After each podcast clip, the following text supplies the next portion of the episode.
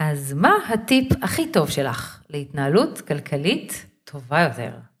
רוב האנשים חושבים שכדי להתנהל טוב כלכלית יותר ולצאת מהמינוס, הם צריכים להצטמצם, להוציא פחות מזה, לוותר על זה. אז הטיפ הכי טוב שלי הוא לשחרר את המילה צמצום מהחיים שלהם, ולהתחיל לזהות מהם הערכים שהכי חשובים להם בחיים, איזה הוצאות, איזה תחומים הכי מספקים אותם, ואז לבנות תקציב כאשר הם הראשונים בפנים. אלו האבנים הגדולות שגורמים לנו לסיפוק ולאושר. לא הגענו לכאן כדי לשרוד, אלא לחיות חיים כיפים ומאושרים. אלה צריכים להיות הדברים הראשונים בתקציב, ואחר כך נמצא מה האבנים הקטנות, אחריהם החצץ, אחריהם החול שימלאו את האקווריום של התקציב שלנו. זה הטיפ הכי הכי חשוב שיש לי. איזו התחלה אופטימית ונהדרת לפרק. מזמינה אתכם למסע לפיצוח הפרעת הקשב שלכם, בכדי שתוכלו סוף סוף להבין ולקבל כלים להגשמת הפוטנציאל הזה שתמיד מדברים עליו. אני דוקטור שירלי הרשקו, מומחית בהפרעת קשב. אני מרצה וחוקרת באוניברסיטה העברית, מאבחנת ומטפלת, מדריכת הורים ומנחת סדנאות ארגון זמן, סופרת ובעלת טור בעיתון הארץ, מנהלת קהילת אנשי הקשב בפייסבוק וגם מגדלת משפחת קשב. הדבר שהכי חשוב לי הוא להעלות את המודעות להפרעת קשב, ולכן יצרתי את הפודקאסט הזה. ולכל המאזינים אני גם מעניקה 10% על הקורסים שלי. יש פרטים בתיאור הפודקאסט ובאתר שלי. ועכשיו, בואו נצלול לפרק. ברוכים הבאים לפודקאסט של אנשי הקשב, בו אנחנו נותנים מקום של כבוד להפרעת קשב, ואת כל המידע המדויק וגם הכלים שיכולים לעזור. והיום נדבר על איך אפשר להתנהל כלכלית בצורה טובה יותר.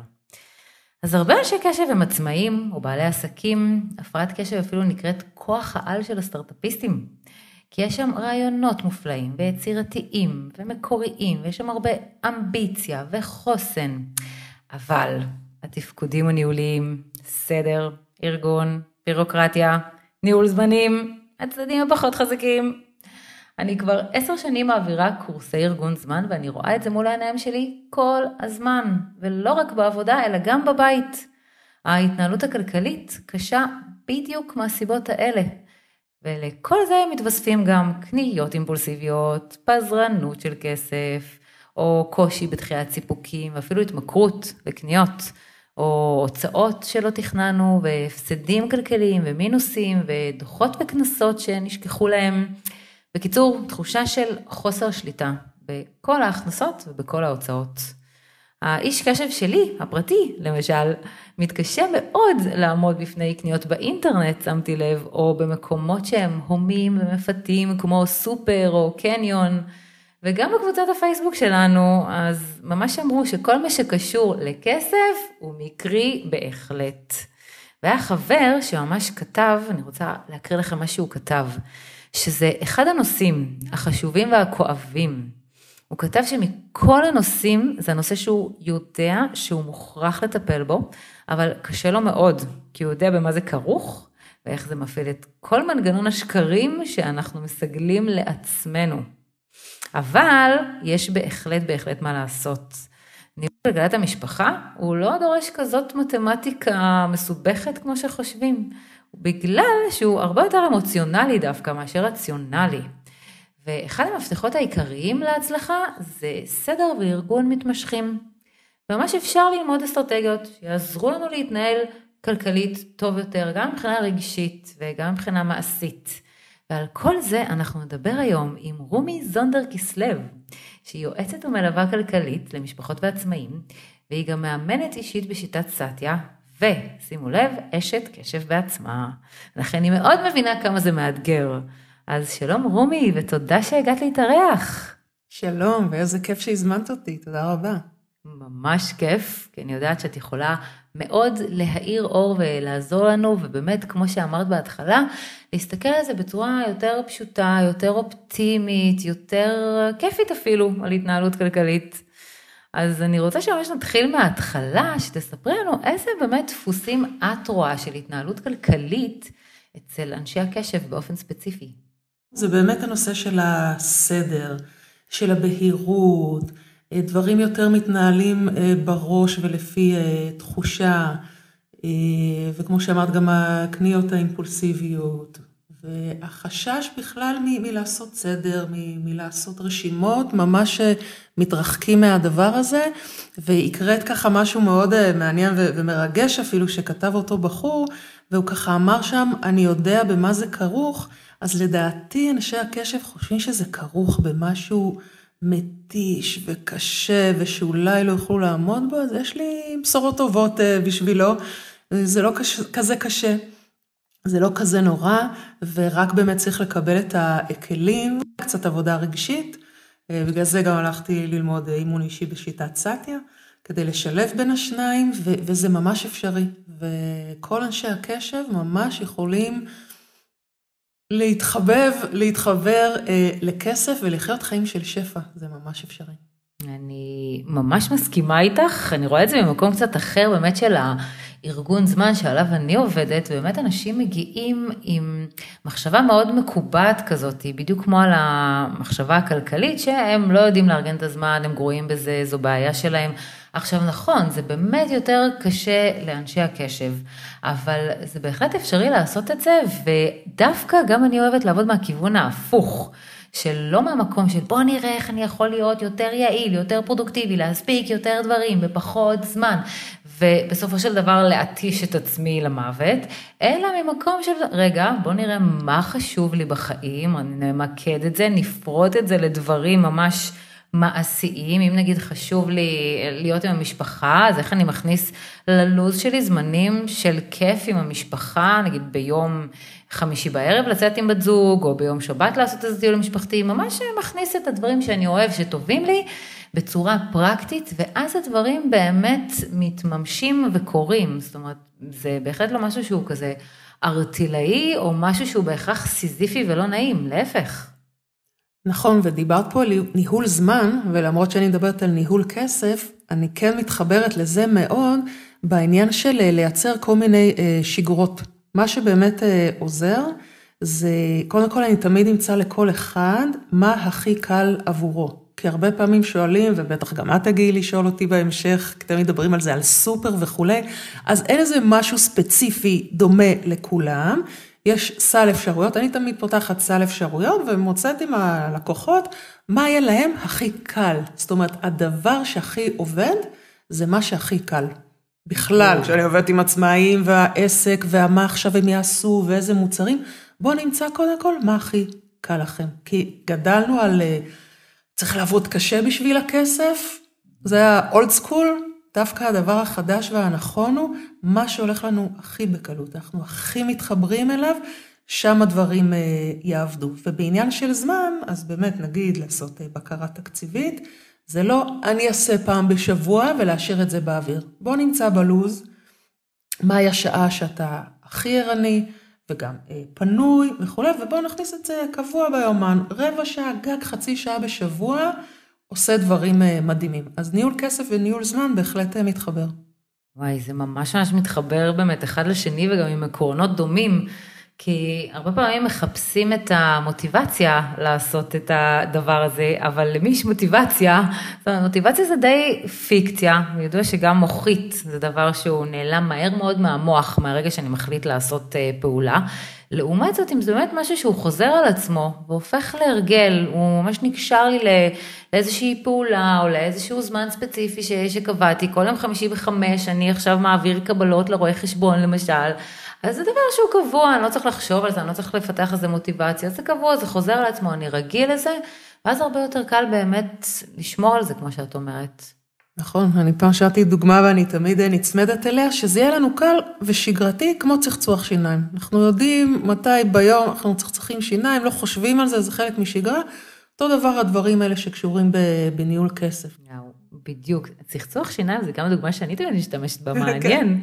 אני תמיד, כדי באמת להראות איך אנחנו עכשיו מגייסים הרגל, נגיד באמת הרגל של אה, לעשות מעבר על ההוצאות הכלכליות, למשל, אז אנחנו צריכים לראות שיש לנו שלושה דברים, שיש את הסימן, שזה מתי אני מתחיל לעשות את זה, שעה קבועה, פעילות קבועה, או מה שזה לא יהיה, ואז יש את הפעולה באמת שאני עושה, נגיד מעבר על ההוצאות. ובסוף צריך גם להיות איזשהו תגמול, כדי שבאמת נוכל להמשיך ולעשות את זה. אז זה יכול להיות התגמול של לראות, וואו, אני בשליטה, איזה כיף, או אני יכול להוציא עוד דברים. או וזה יכול להיות גם תגמול אפילו חיצוני של כשאני מסיים את הפעולה הסיזיפית הזאת, אני יוצא לדייט עם אשתי למשל, יש שם ממש תגמול מיידי, ואז באמת אפשר להמשיך ולעשות את זה שבוע אחרי שבוע, כל החיים, ובאמת גם מה שאת אומרת, הנקודה השנייה שנורא חשובה זה להתאים את זה לעצמך, כל כך הרבה מחפשים איזה מין טמפלייטים, טבלאות, אה, בואי תביאי לי, או אפילו גם בתזונה, תפריט, ממש צריך להבין את זה, שהכל חייב להיות אינדיבידואלי ומתאים, אחרת הוא לא יחזיק מעמד. אם אני נגיד אתכנן זמן למישהו שהוא בשמונה בבוקר מתחיל ללמוד, אבל הבן אדם הוא איש קשב שלוקח לו זמן להתניע בבוקר והוא לומד הכי טוב בערב, זה לא יעזור, הוא צריך לתכנן את הלמידה, למשל בערב. אז גם בצד הכלכלי, כל אחד ומה שעושה אותו ומה שחשוב לו, מאוד מאוד חשוב להתאים. נכון, אני תמיד אגיע, כמו שאמרתי, עם סל אפשרויות, כי כן יש כלים ככה שמקצועית, אני יודעת שהם עובדים, אבל זה יצטרך להיות סל, אין רק משהו אחד ש... שעובד לכולם, ועם כל אחד נמצא מה שמתאים לו. מעולה. אז בעצם אמרנו פה את הבסיס, שתכנון כלכלי יכול להיות אופטימי וכיף, ובדיוק נותן לך את הדברים שחשובים לך, שאתה יכול להגיע אליהם, ולכן זה גם מאוד אינדיבידואלי.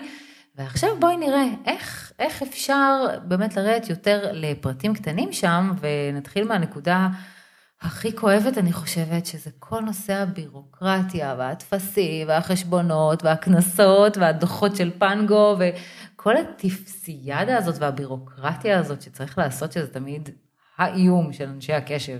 אז קודם כל, יש את הדברים שגם אם אמרנו אה, שגרות, ואם אפשר לעשות דברים אוטומטיים, אז קודם כל הדברים של ארנונה, חשמל, גז, לא לעשות את זה בשיטה של מגיע שובר, אני אשלם בדואר או בטלפון, לא. מה אנחנו רוצים להקל על עצמנו? כמה שפחות משימות. הוראת קבע בכרטיס האשראי, אגב, בכרטיס האשראי ולא בבנק, זה תמיד עוד טופסיאדה. כרטיס אשראי, להתקשר לחברת חשמל, לתת מספר כרטיס אשראי ולבקש אגב כל חודש, לא כל חודשיים, כי זה האוטומט שלהם, אפשר לבקש כל חודש. אנחנו רוצים שההוצאות הקבועות שלנו יהיו שטוחות לאורך השנה כל חודש. אז זה דבר אחד. ואז יש את הדברים שהם באמת ספונטניים. דוחות, אם קיבלנו, או... לא יודעת אם אמרת פנגו, כי זה כן גם אפשר בהוראת קבע, אבל הדברים הבירוקרטיים הספונטניים, להם שוב, להקצות זמן קבוע ביומן, בזמן שנוח לנו, שיהיה לנו חלון של אה, שעה לצורך העניין, אם זה מספיק, תלוי איזה דברים יש לנו. אם אנחנו עצמאים צריך יותר, אם שכירים וזה לטפל בבירוקרטיה האישית, למצוא שוב חלון זמן אה, קבוע ביומן, ששם אנחנו עושים את זה, כי גם אנחנו רואים שאם כל פעם ניגש רק למשהו אחד ונטפל במשהו חלקי, לחזור לזה שוב זה גוזל זמן, אנרגיה, ולכן חשוב לרכז את הדברים לחלון אה, זמן אחד. ועוד דבר, הרבה פעמים שמים יופי של חלון זמן ביומן, אבל אף פעם לא מתממש. אז עוד טיפ לגבי זה, אולי שמתם שעה ביומן, אבל תגידו לעצמכם, אני עכשיו רק עושה חמש דקות את הדבר הראשון. אני יודעת שלי זה מאוד עוזר, אני שומעת גם מלקוחות שלי, כי אומרת לעצמי, רק חמש דקות? אוקיי, אז רק חמש דקות, זה לא כזה מפחיד. כשאני כבר מתחילה, אם ארגנתי לי שם גם את שאר הדברים, אני כנראה כבר אמשיך גם לשאר. אבל אם אני לא אגיד לעצמי חמש דקות, יש סיכוי שזה יישב ביומן, אבל לא יקרה במציאות. וואו, מה שאת אומרת זה ממש מגובה מחקרית במחקרי מוח העניין הזה, שבעצם כשאנחנו מתחילים פעולה, אז המוח שלנו מתחיל להפריש דופמין, שזה הורמון החיזוק והורמון הקשב. אז באמת, אם אני אומר לעצמי, טוב, אני רק אעשה את המשימה הקטנה הזאתי של החמש דקות, א', זה משהו שנראה לי קל וישים ולא קשה מדי, אז גם אני יותר אוכל להתחיל אותו, כי הרי למה אנשים דוחים דברים? בגלל שהם נראים להם קשים. אז ברגע שאני אומר לעצמי, חמש דקות אני עושה רק את המשימה הזאתי, כבר אני אוכל להתחיל יותר, ואז איך שאני מתחיל, באמת המוח מתחיל לטפטף דופמין, כי אני עושה משהו, אפילו אם זה משהו, אפילו אם זה שטיפת כלים. והדופמין הזה מאפשר לי בדיוק את, ה, את ההמשך הזה שאת מדברת עליו. אז מה שאת אומרת זה שצריך באמת לקבוע לזה אה, זמן קבוע, אה, לתכנן משהו קטן שאתה מתחיל ממנו, ולעשות הוראות בכרטיס אשראי עדיף ולא בבנק, וגם שהן יהיו חודשיות ולא דו-חודשיות. ואלה דברים שבעצם עוזרים לנו עם ההתנהלות, גם הבירוקרטית וגם של כל הטפסים, דוחות ודברים כאלו, נורא נורא מעיקים שנופלים עלינו, אז מצוין. ואם אנחנו מסתכלים בצורה אה, יותר רחבה, אז איך אנחנו יכולים ממש לארגן את כל ההוצאות וההכנסות של הבית שלנו בצורה שהיא יותר טובה? אוקיי, okay, אז בעצם זה מתחיל, נדמה לי קודם הזכרתי את המושג בהירות, קודם כל לקבל בהירות על מהם ההוצאות שלנו, ולא לחשוב שאנחנו יודעים בראש את הכל. אלא פעם אחת, ובאמת, אם צריך ליווי, אז למצוא מישהו, או מישהו מקצועי כמוני, או איזה חבר שהוא מאוד מסודר או משהו כזה, ופעם אחת לנבור קצת כרטיסי אשראי ובחשבון אה, עובר ושב, ולמצוא, אם, אני יודעת לאנשי קשב אולי קשה להסתכל שנה אחורה, אבל בטח להשתדל לא רק חודש, חודשיים, כי הם מקריים, ולקבל בהירות כמה אנחנו מוציאים על סופר, כמה על בגדים, על בילויים, הוצאות, פשוט לעבור על הכל ולמפות פעם אחת, וגם פה כמובן זה רגשי, כי הרבה פעמים לא עושים את זה, כי אנחנו מפחדים לראות מה יצא, איזה אה, סכום זה. אז פה הטיפ שלי, הרגשי הוא, תסתכלו על זה כמספרים. זה לא אומר כלום עליכם, זה לא, כי, זה מבהיל, כי וואו, אני מוציא ככה, לא ידעתי. זה לא אומר כלום עליכם, זה איזה שהם הרגלים שהיו לכם, כאילו, תנשמו לפני זה ותגידו, אנחנו רק עושים מחקר מספרי כדי לעזור לעצמנו, זה כן אומר עלינו משהו, קיבלנו החלטה שמעכשיו אנחנו רוצים אחרת, אז אנחנו מסתכלים, שמים את הרגשות בצד, ואם זה זוג שמסתכל יחד, מסכמים לפני. אף אחד לא עוקץ את השני. מה, ככה את קונה בגדים? מה, זה כל הגאדג'טים שלך? לא. אין הערות בהסכמה, אין הערות אחד כלפי השני, פשוט אוספים מידע. ככה מתחילים, ואז אחרי שאספנו את כל המידע, ואנחנו רואים כמה אנחנו מוצאים בכל תחום, וגם מה הסך הכל, אז בואי נגיד שהסך הכל יסתכם לנו בממוצע לחודש 25 אלף שקלים. ואנחנו בודקים מה ההכנסות שלנו, וההכנסות שלנו הן 20 אלף שקלים. יש לנו פה פער של 5,000 שקלים. שוב, מסתכלים על זה בהתחלה, באמת, זה מספר, לא להיבהל, לא לריב וכו', זה התחלה נהדרת שאנחנו יודעים מה יש. מיפינו את זה, כדאי לחלק את זה באמת להוצאות אה, אה, קבועות, זה ההוראות קבע, זה השכירות, המשכנתה, ארנונה, חשמל, הוצאות תקשורת, אה, ביטוחי רכב, ביטוחים בכלל, כל הדברים האלה, ולהוצאות המשתנות שהם הדברים ה... יותר אה, גמישים, אה, שמוצאים כרטיס אשראי כמה פעמים אה, בחודש, הסופר, הבילויים, הבגדים, הדברים האלה, אז לעשות חלוקה בין קבועות ומשתנות, ואז עוברים באמת למה שאמרתי קודם, לא סליחה, התחלנו מהערכים, ואז חוזרים לערכים שכתבנו לעצמנו, ומסתכלים, אוקיי, אז בפועל, ב-25,000 שקלים, איפה האבנים הגדולות שלנו? אוקיי, אז זה באמת מה שחשוב לי מאוד בערכים שלנו, זה האסתטיקה, וזה הבריאות, וזה השכלה, וזה תרבות, ו- וכל הדברים האלה. אוקיי, לכמה דברים האלה מסתכמים. יש לנו את הפער של 5,000 שקלים, אולי נזהה שם, מה זה אולי? בטוח נזהה שם, או כפילויות בביטוח, אפשר לפנות ל... לסוכן הביטוח שלנו ולבדוק, כי אולי מזמן לא בדקנו. כשאנחנו עושים את הבדיקה הזאת, הרבה פעמים אנחנו רואים, אוי, רגע, הפסקנו בכלל עם אה, איזשהו אה, שירות ועברנו לאחר, אבל הקודם לא ביטל לנו. לא פעם זה קורה, ברגע שעושים את הסדר והבהירות, מגלים כפילויות. אז אפילו לא צריכה לשנות כלום ביומיום. עצם זה שבדקתי, זיהיתי דברים שטק טק יורדים לי מה, מהיומיום. ושוב המלצה, לא להתבאס על זה שגיליתם את זה רק עכשיו, היה לי זוג שגילה שמשלמים על איזה מודם כבר שבע שנים שהם עזבו את הדירה. היה צריך לנשור, הכל בסדר, נכון, זה מבאס, אבל איזה יופי שגיליתם את זה עכשיו ולא עוד שבע שנים אתם משלמים על זה, אז בואו נתמקד בעכשיו, והנה, התקשרו, ביטלו את המודם ואת ההוצאה הזאת, והרבה הרבה דברים מתאפשרים עם הבהירות. כמו היה לנו פער של 5,000 שקלים, רק הסדר עצמו בדרך כלל חוסך איזה 1,000 שקלים אה, או משהו כזה. אחר כך אנחנו רואים כל מיני הוצאות שבכלל לא שמנו לב שאנחנו מוציאים ככה. כלומר, נכון שבערכים נראה אה, משהו שהוא מאוד חשוב לנו, אבל קודם חשבנו שאין לנו כסף בשבילו, אז הוא בכלל לא נמצא בתקציב. לעומתו, פתאום נראה שהקפה ומאפה בבוקר, שלא שמנו לב, כי זה נראה קצת כל פעם, מסתכם אם זה כל יום, לפעמים ל-800 שקל. ואז, אוקיי, עוד מבט בערכים. זה יש אולי מי שזה כן בערכים שלו, אבל לעיתים זה לא, יכולים להגיד לעצמם, וואי, לא שמנו לב בכלל שאנחנו מוצאים את ה-800 שקלים האלה, בואו נוותר עליהם, ועכשיו מתאפשר לנו משהו אחר. או אם אנחנו רוצים להגיע ל-20 אלף האלה, או כל פער שהיה לנו, לא משנה מה, דרך הבהירות, דרך זה שאנחנו רואים כמה באמת אנחנו מוצאים, כי תמיד מה שנדמה לנו בראש, הרבה פעמים אומרים, אה, אנחנו לא מוצאים הרבה על בגדים, אבל הנה פה קנייה, שם קנייה, פתאום גם זה יצטבר, 700 שקל, ל-1,000 שקל, ל-1,500 שקל. הבהירות הזאת פשוט מאפשרת להכיר את המציאות האמיתית, ואז ממנה אנחנו יכולים להתכנס, להשאיר בפנים את כל מה שחשוב לנו, אבל פשוט לוותר או להתייעל על הדברים האחרים סופר הרבה פעמים, אה, נדבר גם אה, על זה, זה משהו שאנחנו לא שמים לב אליו, והוא הרבה פעמים הקנייה הכי גדולה היא באלפי שקלים, עדיין אפשר שהמקרר יהיה מלא באותה מידה.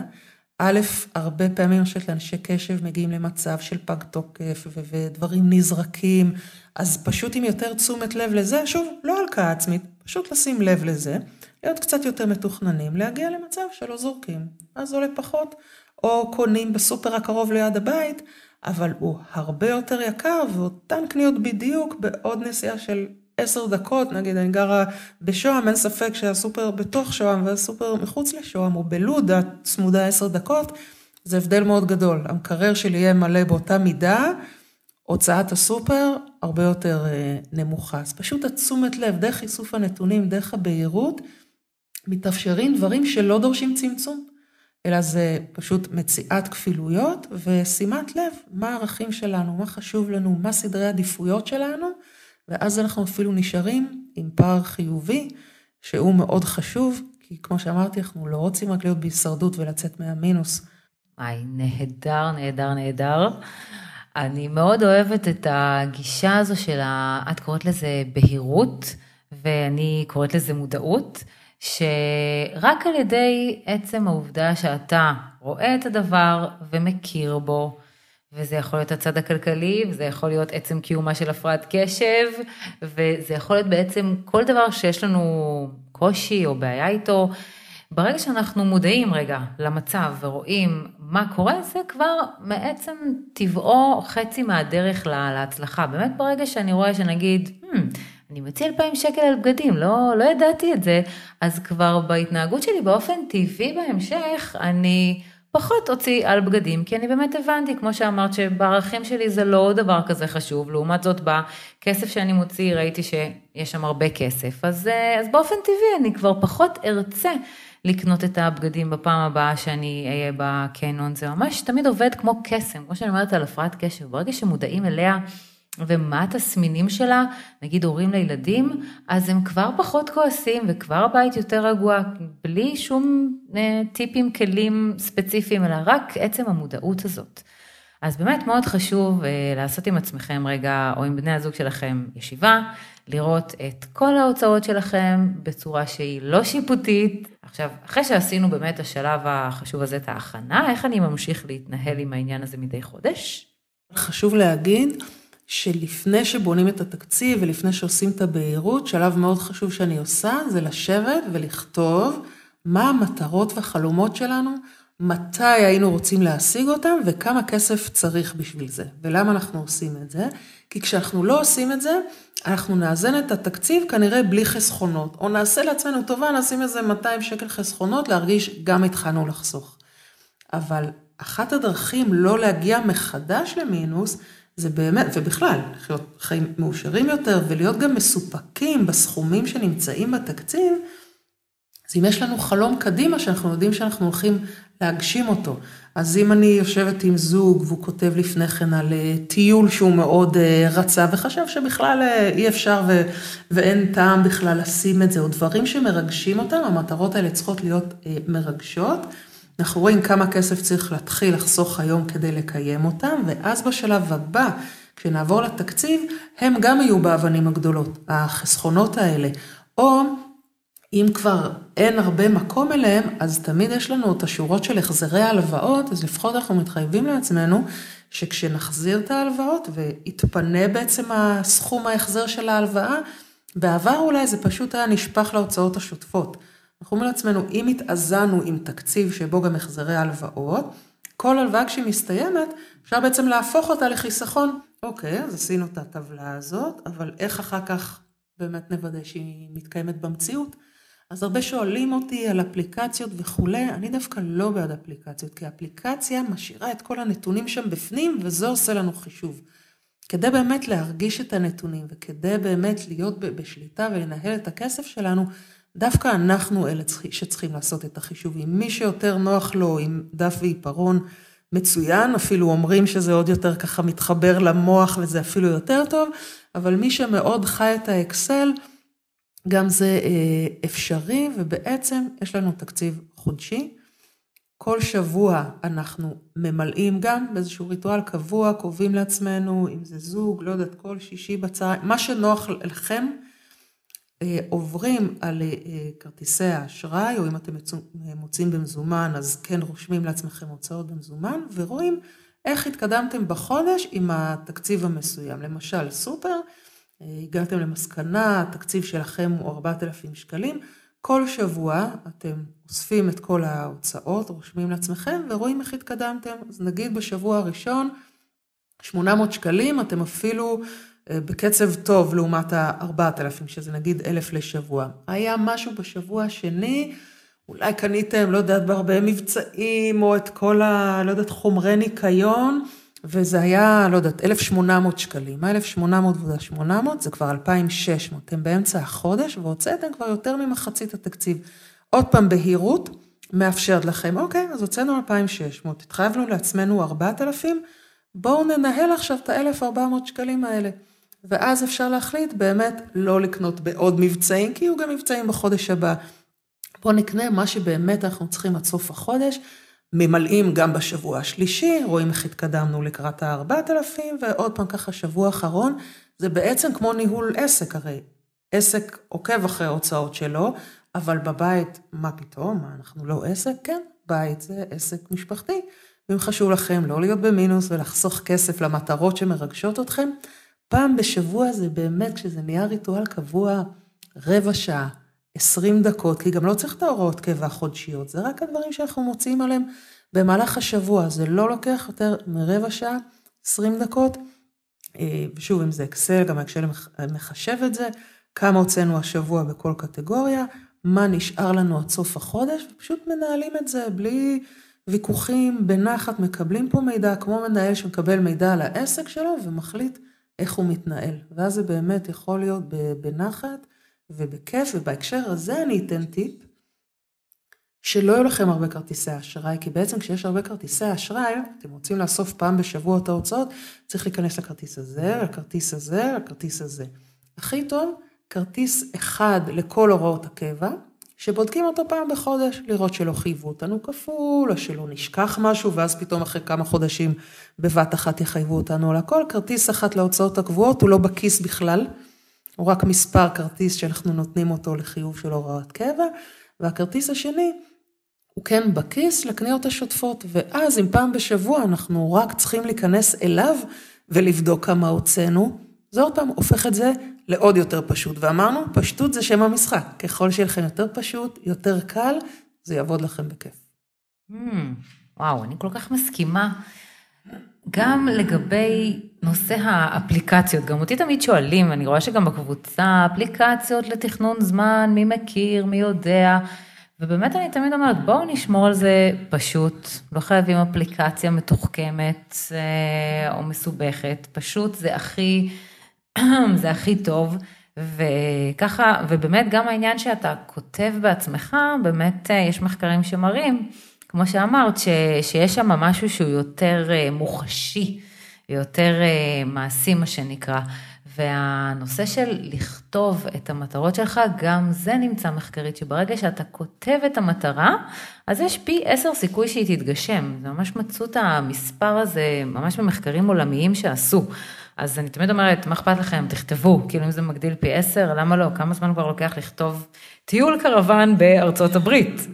אבל זה באמת חתיכת תגמול וחתיכת משהו לצפות בשבילו, והרבה יותר כיף לחסוך בשביל דבר כזה, מאשר סתם להגיד, אנחנו צריכים לחסוך, כמו שאמרת. אז בעצם, אחרי שעשינו את הראייה הכוללת, את הבהירות, אז אנחנו עכשיו כל שבוע קובעים לנו איזה דייט קצר של רבע שעה, שאנחנו בודקים בכרטיס אחד את כל ההוראות ששמנו, ובכרטיס השני את כל ההוצאות שלנו, ורואים איך אנחנו ממשיכים הלאה. בתודעת חסר, כל הזמן רוצים למלא איזשהו ריק, וקונים הרבה מכל מיני דברים שאנחנו לא בהכרח צריכים, ואז באמת הרבה פעמים נוצר מצב, דוגמה ככה הכי אה, ברורה יכולה להיות מתוך ארון הבגדים, שיש לנו ארון מפוצץ בבגדים, חלקם בכלל עם טיקטים שלא לבשנו, או שכבר לא עולים עלינו, או כבר לא אופנתיים בעינינו, אבל קשה לנו להיפרד מזה כי שפע בעולם הישן זה הרבה, כאילו, ואנחנו ממשיכים לטעות שאם יש לי ארון מלא, יש לי שפע. הפוך, ממש הפוך. שפע זה כשיש לי, זה לא הכמות שיש לי בארון, אבל כשאני פותחת את הארון, כל פריט זה וואו.